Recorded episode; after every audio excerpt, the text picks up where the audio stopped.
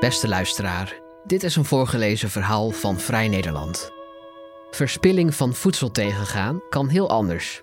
De relatief kleine en haast romantisch aandoende kringlopen van initiatieven als De Kliek en de Floating Farm worden gevoed met reststromen.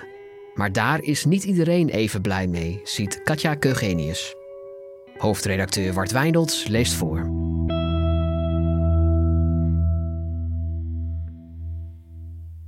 In de Rotterdamse haven staan een paar houten bakken op een rij. Dit is ons voedselplein, zegt Peter van Wingerde, een stadsboer met Gooise R. Hij opent een deksel en laat tientallen hele broden zien. Van die chique broden, met robuuste korsten. In een andere bak liggen honderden plastic zakjes spinazie, die volgens de houdbaarheidsdatum nog zeker twee dagen goed zijn. Weer een andere bak zit vol met bierbostel, de drap die overblijft na het brouwen van bier. Dit is supergezond voor onze koeien, zegt Van Wingerde. De CEO van de Floating Farm maalt in de haven wekelijks duizenden kilo's etensresten uit Rotterdam door elkaar tot koeienvoer. De koeien zelf drijven enkele meters verderop met zijn veertigen in een stal in het water. In zijn drijvende boerderij wil Van Wingerden voedselresten zo lokaal mogelijk opwaarderen. Hij zegt naar eiwitten voor menselijke consumptie.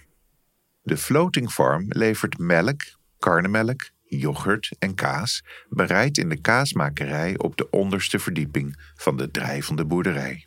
Onder water blijft het vanzelf koud, aldus van Wingerden. Zo probeert de floating farm op verschillende manieren ons voedselsysteem te verbeteren. De ketens blijven kort door zowel de verwerking van reststromen als het maken van nieuw voedsel zo dichtbij mogelijk te houden. Van Wingerde zegt: Voedsel moet je produceren dichtbij waar mensen wonen. Dus geen broccoli of boontjes uit Kenia, omdat de retailer het daar zo goedkoop inkoopt. Met de drijvende koeien en hun lokale voer probeert hij hier in de stad ook zoveel mogelijk mensen bewust te maken van voedselketens. Van Wingerde vertelt: Maandelijks leid ik hier tientallen groepen rond, ook kinderen. Zij moeten begrijpen dat de keten anders moet voor hun eigen toekomst. Er komen ook buitenlandse groepen langs. Van Wingerde zegt: Dit drijvende concept kun je overal kopiëren, want water is overal hetzelfde. Een laatste belangrijke pijler van de floating farm: voedselresten redden die anders grotendeels verloren zouden gaan. Van Wingerde wijst weer op de zakken spinazie en de hele broden. Hij zegt: Dit zou anders de ovens ingaan, maar je gaat toch geen vitamines en mineralen verbranden? Nederlandse voedselresten worden gelukkig niet standaard verbrand. De stichting Samen tegen Voedselverspilling schat dat grofweg een kwart van al het voedsel in Nederland niet wordt opgegeten zo'n 2 miljard kilo per jaar. Via consumenten belanden voedselresten, als alles goed gaat, bij het GFT. Daar wordt compost van gemaakt die boeren kunnen uitrijden over het land.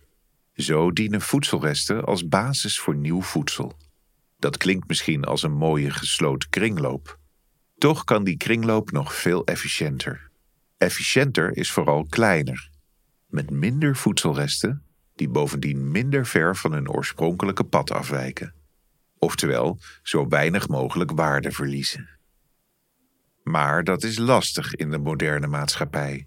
Composteren is al een uitdaging. Dat kan immers alleen met schone stromen, en daar mankeert het nog wel eens aan, vertelt Maurice Goudsmit. Hij is vanuit het ministerie van Economische Zaken en Klimaat verantwoordelijk voor afvalzorg en grondstoffenmanagement Rijksoverheid. Hij zegt: Nederlanders zijn niet heel netjes in afval scheiden en het lokaal composteren voldoet nog niet aan alle regelgeving. Goudsmit vertelt het tijdens een rondleiding op de Floating Farm, waar hij zijn interview met Vrij Nederland graag wilde doen. Hij neemt hier wel vaker mensen mee naartoe om ze te inspireren of samenwerkingen op te starten. Laatst liet hij er de gemeente Amsterdam zien wat hij eigenlijk ook voor ogen heeft in de hoofdstad. Goudsmit zegt: Daar zijn ze wel in geïnteresseerd. Zo'n gemeente vraagt zich ook af: Waarom slepen we al die reststromen de stad uit om weet ik waar te verwerken en halen we vervolgens weer melk uit Drenthe? Goudsmit probeert het in verschillende steden anders te doen. In Rotterdam lukt dat al met verschillende overheidsgebouwen en de floating farm. Alle groenten, fruit en broodresten van de cateraar van de Belastingdienst, de rechtbank en de Sociale Verzekeringsbank gaan met elektrische wagentjes naar de floating farm. De overheidsdiensten krijgen daar weer melk, yoghurt, kaas en boter voor terug. Goudsmit zegt: Zo maken we een mooi kringloopje. Dat is ook nodig, want zonder zo'n kringloopconstructie is het veel lastiger om voedselresten ergens voor te gebruiken. Als een organisatie zich van voedselresten ontdoet, is het officieel afval en daar bestaan strenge regels voor. De stromen die naar de floating farm gaan, komen daarentegen, weliswaar in compleet nieuwe vorm, weer terug bij de overheidsdiensten. Daarom gaat het hier om voortgezet gebruik. Of het een maas in de wet is, weet ik niet, zegt Goudsmit. Maar zolang iets mijn eigendom blijft, hoort het nog bij mijn organisatie. Zo is het makkelijker om grondstoffen weer terug te brengen in de keten. Meer bedrijven werken met een voortgezet gebruikconstructie. Zo voert Van Wingerde zijn koeien met gemaaid gras uit het Feyenoordstadion en krijgt het stadion daar melk voor terug. De drijvende havenkoeien krijgen ook sinaasappelschillen van de spar, waar floating farmmelk in de schappen ligt. Het omzeilen of aanpassen van regelgeving is een van de grootste hobbels voor het sluiten van materialenkringlopen. Bij organische reststromen gaat dat vooral om de afvalwetgeving. Die is niet voor niets streng. In de jaren 80 en 90 van de vorige eeuw bleek de verwerking van dierlijk afval in veevoer een van de oorzaken van de gekke koeienziekte. De floating farm is dan ook streng op de stromen die binnenkomen. Dat mag bijvoorbeeld niet de inhoud zijn van gewone GFT-afvalbakjes uit kantoren. Er kunnen in die zakjes namelijk ook vleesresten zitten. Of bewerkt voedsel met toegevoegd zout en suiker. Ook niet gezond voor koeien. De GFT-afvalzakjes uit kantoren vormen overigens ook een probleem bij de verwerking tot compost, vertelt Maurice Goudsmit. Sinds corona de bezetting van kantoren omlaag bracht, klopt de verhouding tussen bioplastic en etensresten niet meer. Er zit te veel bioplastic tussen het organisch afval, wat het composteerproces verstoort. Goudsmit zegt: zo'n onzuivere GFT-stroom wordt dan alsnog verbrand. Of er zitten mensen met een afstand tot de arbeidsmarkt zakjes open te scheuren en leeg te schudden. Voedselresten vormen een bijzondere categorie afval. Voor het sluiten van kringlopen van de meeste materialen bestaat de zogeheten R-ladder, een hiërarchische rangschikking van termen als refuse, reduce, reuse en recycle. Voor voedselresten maakte consultant Bram Moerman een speciale ladder die ook door Wageningen University and Research wordt gebruikt. De ladder van Moerman is een omgekeerde piramide waarvan de bovenste en breedste lagen staan voor 1. Het voorkomen van voedselresten, 2 hergebruik voor menselijke consumptie en 3. Verwerking in veevoer. Met deze drie opties zet je de grootste stappen om voedselverspilling tegen te gaan.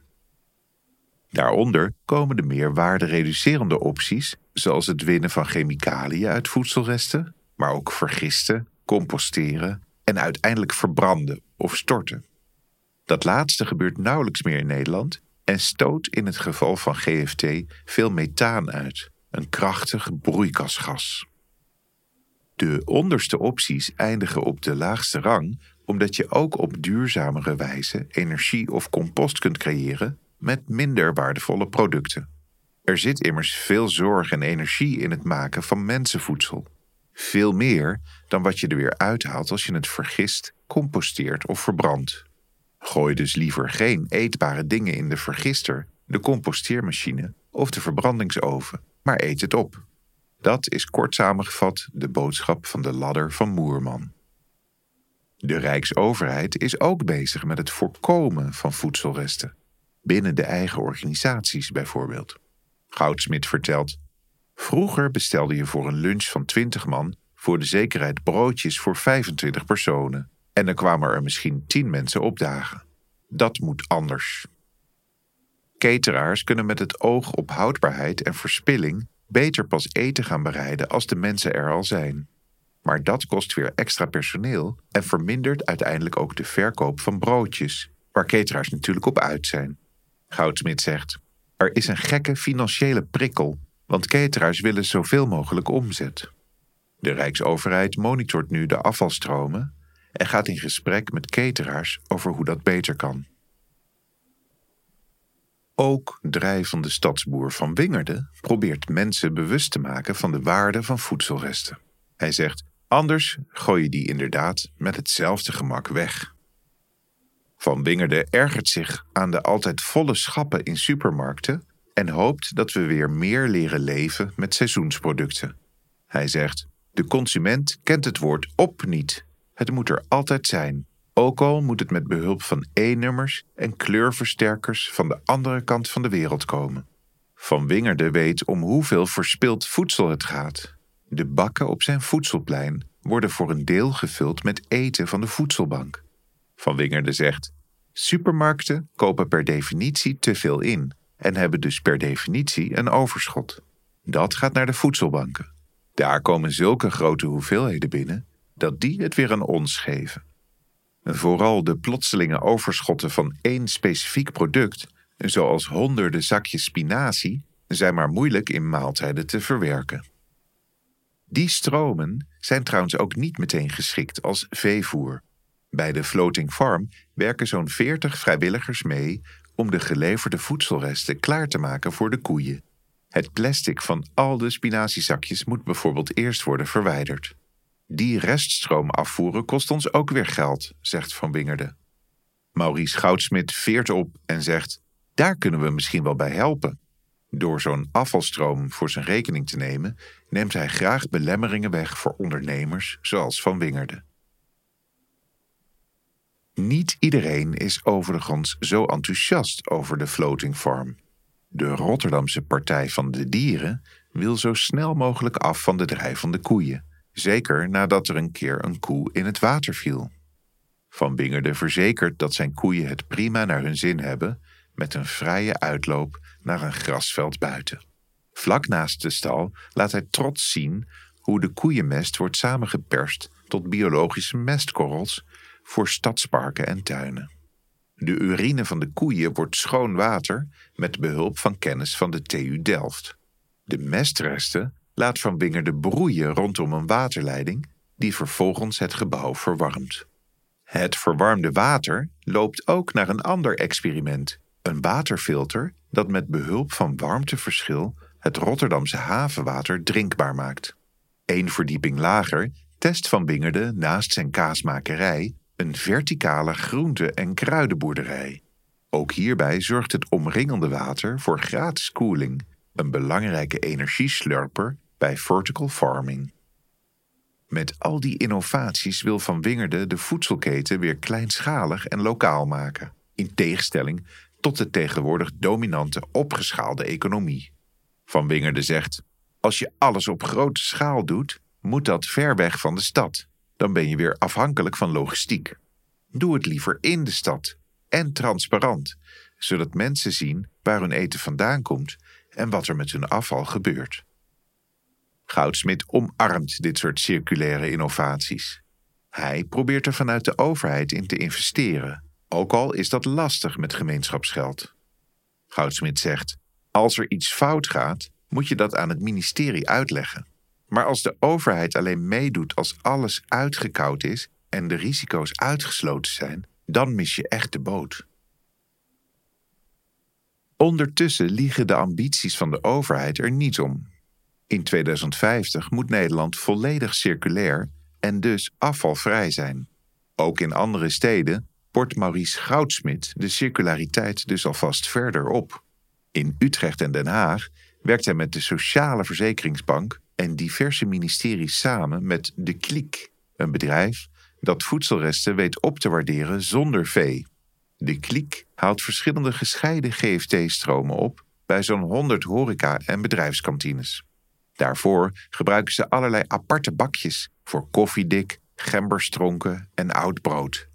De kliek brengt dat, ook met elektrische wagentjes, naar verschillende verwerkers in de buurt. Die maken er oesterzwammen en vervolgens weer bitterballen van. Of nieuw brood en vervolgens weer tosties. Of gembersiroop. Dat gaat weer terug naar de horeca- en bedrijfskantines. De grootste binnenkomende stroom bestaat uit snijresten, waar de kliek compost van maakt. De thee en hop die daarop groeit, gaat weer terug naar de bedrijfskantines of naar bierbrouwerijen die weer bierbostel terugleveren als basis voor allerlei gebak.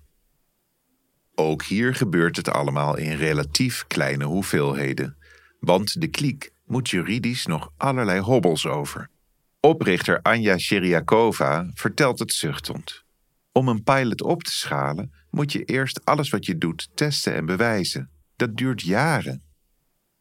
Ze vindt het onnodig ingewikkeld dat ondernemers als zij zich moeten houden aan de strikte afvalwet, hoewel de Voedsel- en Warenautoriteit vervolgens ook nog streng toezicht houdt. Dat komt volgens Geriakova voort uit het grootschalige denken van gecentraliseerde afvaldiensten. Ze zegt: We zijn gewend alles in containers bij elkaar te gooien. Maar als je alles al in de keuken scheidt, is er veel minder gevaar. De kliek kreeg laatst bezoek van de Utrechtse wethouder Susanne Schilderman met circulariteit in haar portefeuille. Zij ondersteunt graag bedrijven als de kliek, ook al is dat niet zo eenvoudig als het klinkt. Schilderman zegt: Er is natuurlijk allerlei regelgeving over eventuele overlast van stank, lawaai of bodemverontreiniging. En voor een vergunning moeten we ook kijken naar de ruimtelijke inpassing in de stad, met wagens die af en aanrijden. Net als Geriakova vindt Schilderman dat de afvalwetgeving aan herziening toe is.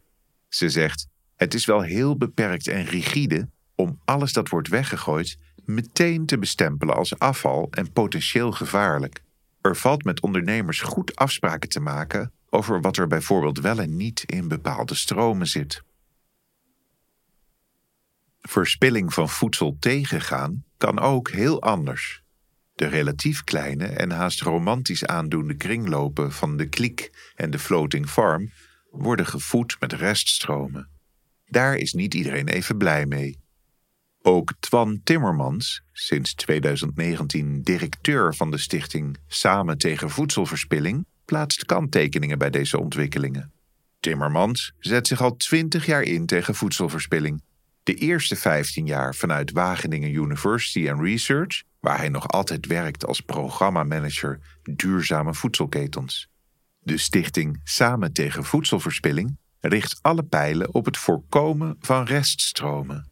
Een reststroom nemen als startpunt van een businessmodel vindt Timmermans daarom zelden een goed idee. Van het lijntje tussen de voedselbank en floating farm is hij bijvoorbeeld niet erg gecharmeerd. Hij zegt: Naar mijn mening moet je koeien niet voeren met eten dat mensen ook kunnen eten. Daar zit een inefficiëntie in. Je moet er veel meer in stoppen dan er uitkomt. Traditioneel gezien zijn koeien juist heel geschikt voor het omzetten van voor ons totaal oneetbare dingen in nutriënten die waardevol zijn voor mensen.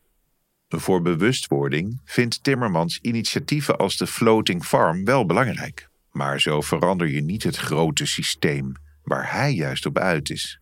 Timmermans ziet dat vaker gebeuren bij nieuwe initiatieven die voedselresten verwerken. Hij zegt: Mensen denken vaak dat ze goed bezig zijn als ze het een stapje beter doen. Maar dan blijf je hangen op een social innovator niveau. We zijn bezig iets maatschappelijk goeds te doen. Dan word je nooit groot.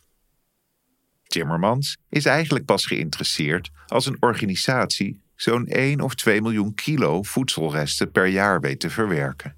Hij zegt: dan raak je ook bestaande partijen en word je een interessante oplossing voor het grote vraagstuk. Kan dat misschien ook 1 of 2 miljoen ton worden?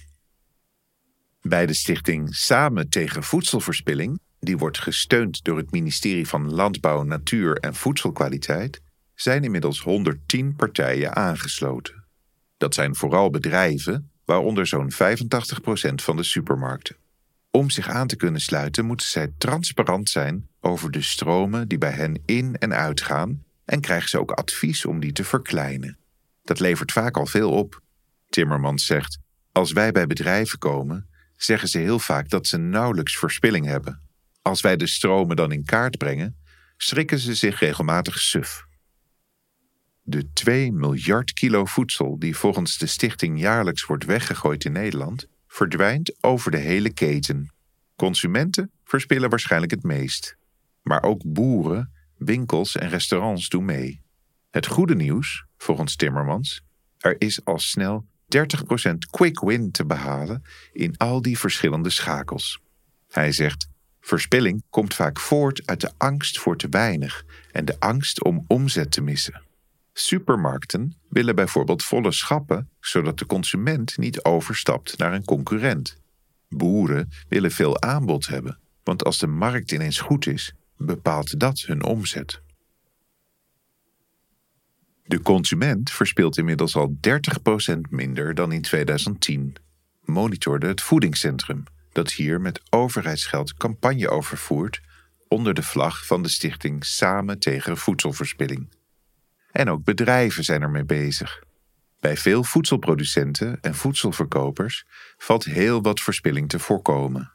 Planken vol onverkochte potjes en zakjes met een verstreken houdbaarheidsdatum gaan regelrecht naar veevoer of zelfs de vergister. Timmermans zegt: Plastic verpakkingen kunnen machinaal worden verwijderd, dus dat voedsel gaat vaak makkelijker naar veevoer. Maar glas levert te veel risico op splinters, dus dat gaat allemaal de vergister in. Dat dat voorkomen kan worden, bewijst Unilever. Het is een voorbeeld waar Timmermans erg enthousiast van wordt. Hij zegt: Unilever Nederland besloot een paar jaar geleden dat het afgelopen moest zijn met de verspilling. Ze hebben daar actie op gevoerd en het werkt fantastisch.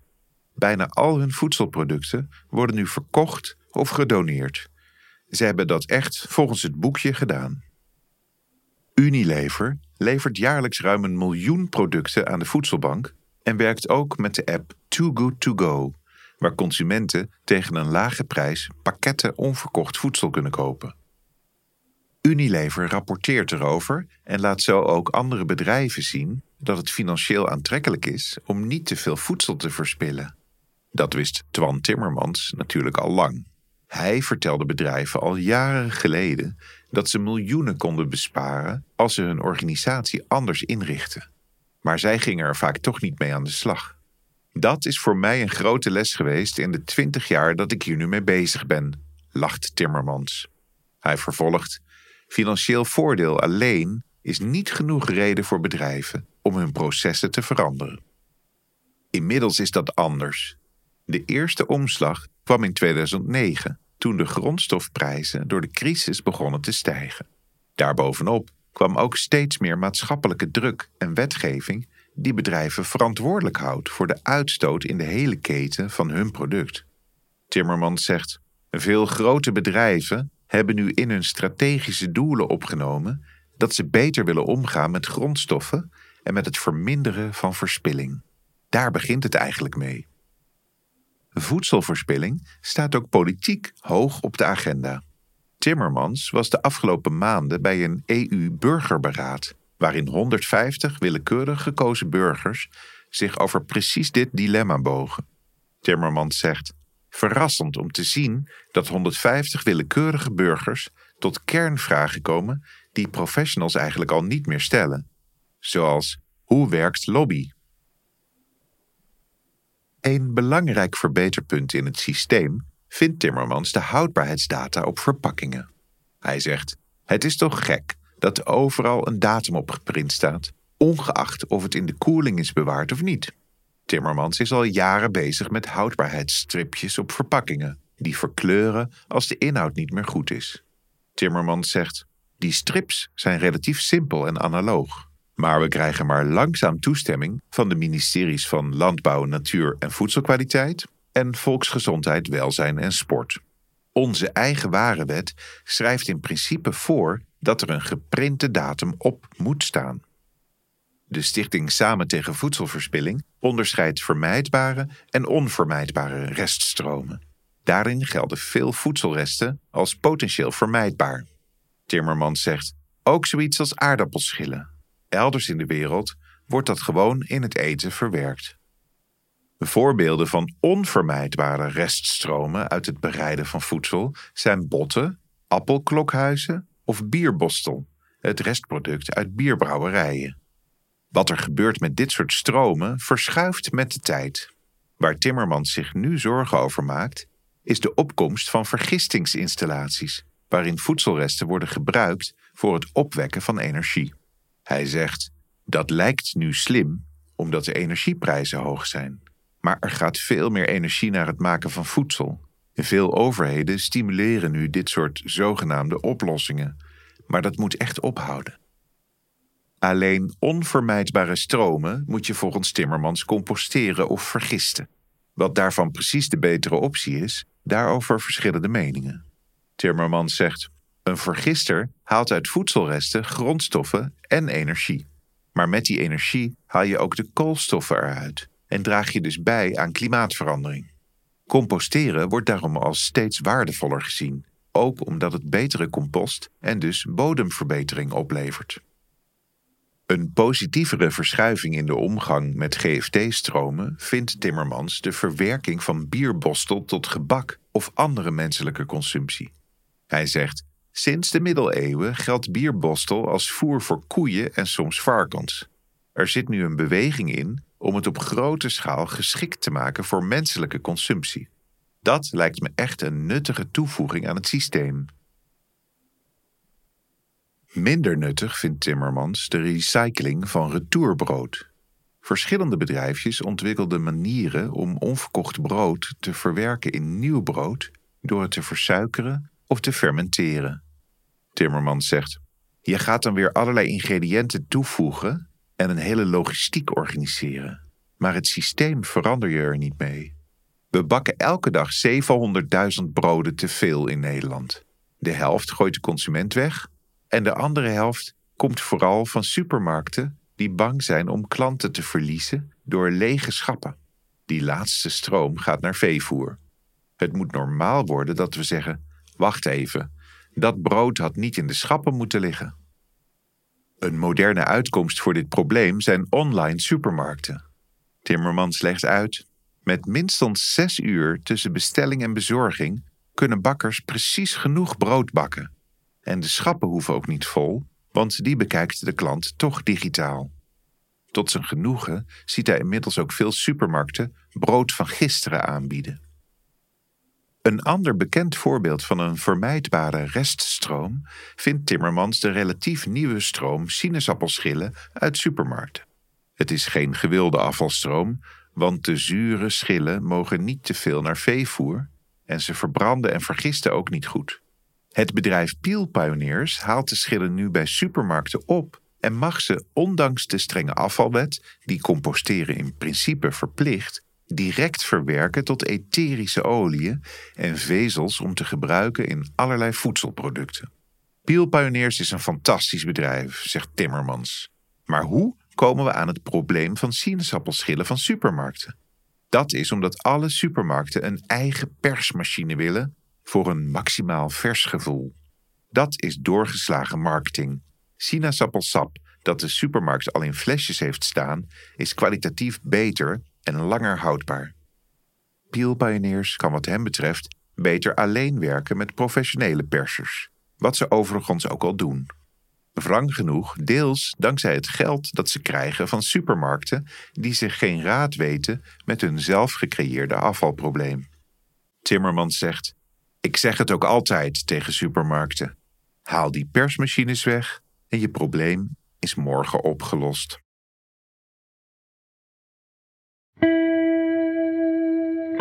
Wil je meer verhalen van ons lezen of beluisteren? Kijk dan op vn.nl of abonneer je op Vrij Nederland in je podcast-app. Voor onze trouwe luisteraars hebben wij ook een speciale actie. Een half jaar Vrij Nederland online voor maar 15 euro. Kijk voor de aanbieding en de voorwaarden op vn.nl/podcast. Bedankt voor het luisteren.